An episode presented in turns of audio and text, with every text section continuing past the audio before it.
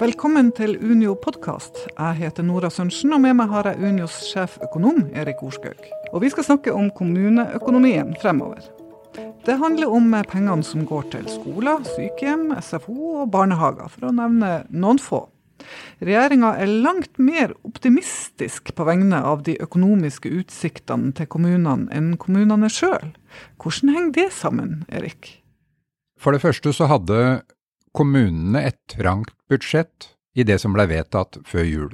Så det budsjettet som kommunene har hatt å styre etter nå i 2020, før pandemien slo til, det var trangt i utgangspunktet, og KS sa når dette ble vedtatt, at det kanskje ville føre til at uh, tilbudet på en del sentrale tjenester som kommunene tilbyr, skole, helse og omsorg, ville kunne bli dårligere i år. Så kom pandemien. Og det er særlig kommunesektoren som har fått kostnader knytta til nedstengning og smittevernarbeid. Dette prøver regjeringen å, å, kompensere for i revidert budsjett, men de gjør det på en veldig spesiell måte.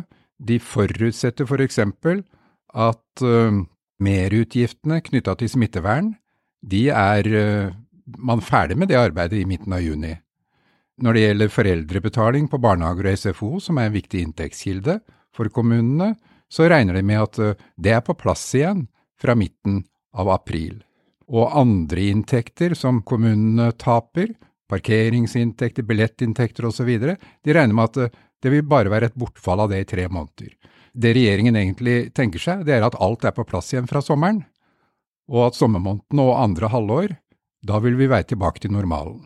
Og dette høres jo veldig merkelig ut i forhold til hva vi nå hører på radio og TV hver eneste dag. Og så har vi en annen ting som også er veldig viktig for kommuneøkonomien. Det er hvordan går det med lønnsveksten? Nå hører jo forlydender om at uh, lønnsveksten kommer nok til å bli påvirket av denne pandemien. Og det ville ikke vært unaturlig. Men uh, det regjeringen har gjort i revidert nasjonalbudsjett, det er å anslå lønnsveksten så lavt som til 1,5% og prisveksten til 1 Og da er det hokus pokus fra regjeringens side. Da sier de at da har kommunene, i forhold til det budsjettet som i sin tid ble vedtatt, spart over 9 milliarder kroner. Og dette er ganske annerledes enn hva kommunene opplever, for de opplever nå at de har såpass trang kommuneøkonomi at de kanskje må begynne å redusere i uh, andre tilbud. Og det er jo tilbud som vi nå skal bygge opp igjen, fordi vi har brukt så mye ressurser på smittevern og nedstengning nå i de ukene som vi har bak oss. Ja, Så de undervurderer uh, inntektsbortfallene uh, og overvurderer besparelsene med en lavere lønnsvekst? Ja med dette anslaget på lønnsveksten, så har de jo også nærmest avlyst tariffoppgjøret til høsten. Det er i hvert fall ikke rom for noe mer enn et nulloppgjør, mm -hmm. og det er vel det samme som å avlyse det. For et par uker siden så la SSB fram beregninger, og de hadde et annet anslag på lønnsveksten. Det var også lavt, men det var tross alt høyere. Det var på 2 Her er nok ikke siste ord sagt, og jeg går ut fra at Stortinget også vil se på disse anslagene når de nå behandler revidert budsjett. Ja, Vi kan vel gå ut ifra at det blir et litt annet budsjett etter å ha vært runden i Stortinget. Men hvis dette budsjettet blir stående, hva vil da konsekvensen bli?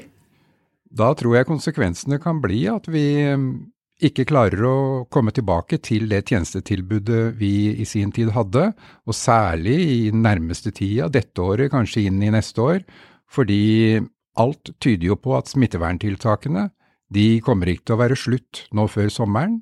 De kommer til å være der også til høsten, og denne pandemien den eh, kommer ikke til å gå over med det første, selv om vi får håpe at den kommer ned på et mye, mye lavere nivå enn de hektiske ukene vi har hatt bak oss. Men hva kan kommunene sin rolle i si, gjenoppbygginga etter krisestida, eller i den koronaens tid som vi lever i, hva kan eh, være kommunens rolle ut av det? Ja, Det er veldig viktig. Nå har vi jo en regjering som mange kanskje vil si er veldig forsiktig med å gi penger til kommunene. De er litt skeptiske til uh, offentlig sektors størrelse. Mm.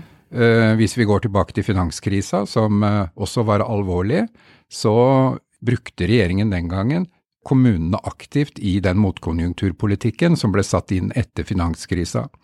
Det bør i høyeste grad gjøres nå også. Jeg er glad for at KS, kommunenes egen interesseorganisasjon, mener det samme. Og kommunesektoren bør nå få en sentral rolle i den motkonjunkturpolitikken som vi kommer til å trenge en tid framover.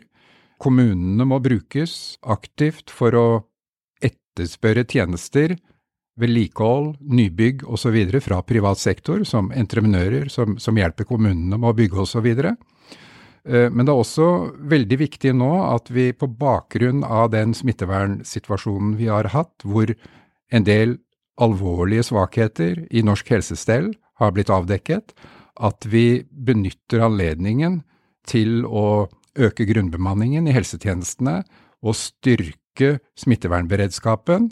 Og det er også viktig at vi gjør det i, i barnehagene og i, i, skolen. Og Det betyr at vi, vi, trenger penger til kommunesektoren både for å styrke det generelle arbeidet som kommunesektoren selv driver med av tjenester, men også for å hjelpe privat sektor ved å etterspørre tjenester fra private entreprenører og firmaer. Hvis vi ser på eh, norsk økonomi som en helhet, da, hva er hovedutfordringa sett med Unios øyne? Erik? Hovedutfordringa er selvfølgelig alle de arbeidsledige og permitterte som vi har nå. Nå har det heldigvis gått ned med et par og 40 000 de siste par ukene, fra toppen, hvor det var nesten 430 000 arbeidsledige eller arbeidssøkere. Vi vet jo ikke hvor langt ned det går. Det vil være veldig optimistisk å tro at vi raskt kommer tilbake til der vi var. Da hadde vi i februar 65 000 arbeidsledige. Vi kommer ikke dit, det kan vi si helt sikkert. Vi kommer til å ha høyere arbeidsledighet en stund.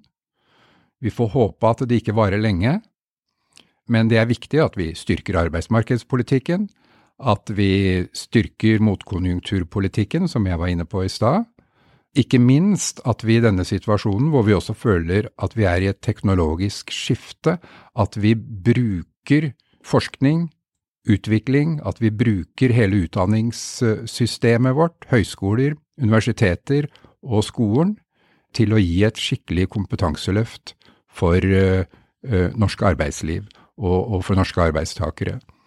Så vi må satse på forskning og utvikling, og vi må satse nytt og bærekraftig sånn at vi ikke nå bruker masse penger på å bygge opp igjen alt det gamle, for noe av det skal etter hvert, sånn som for eksempel petroleumsindustrien, den har vært meget viktig for Norge i mange år, men den skal altså over tid ta en mye mindre plass, og da er det viktig at vi ikke hjelper dem helt tilbake til der de var, men at de får en klar retning om eh, nedbygging. Vi skal altså halvere eh, CO2-utslippene i Norge innen ti år. Da må også den sektoren være med på det. Men leverandørindustrien, for eksempel, som har vært viktig for uh, utbygginga av uh, oljesektoren i Norge, den må omstille seg. Havvind er det mange som har pekt på. Vi bør ha en statlig satsing på havvind i Norge, hvor staten og leverandørindustrien i samarbeid satser stort. Det vil også kunne bli en eksportindustri for Norge. Jeg tror det skal være det siste ordet til deg, eh, Erik Orskaug. De syns jeg var bra. Du er altså sjeføkonom i Unio. Og kjære lytter, du kan lese Unios kommentarer til revidert budsjett på unio.no. På gjenhør.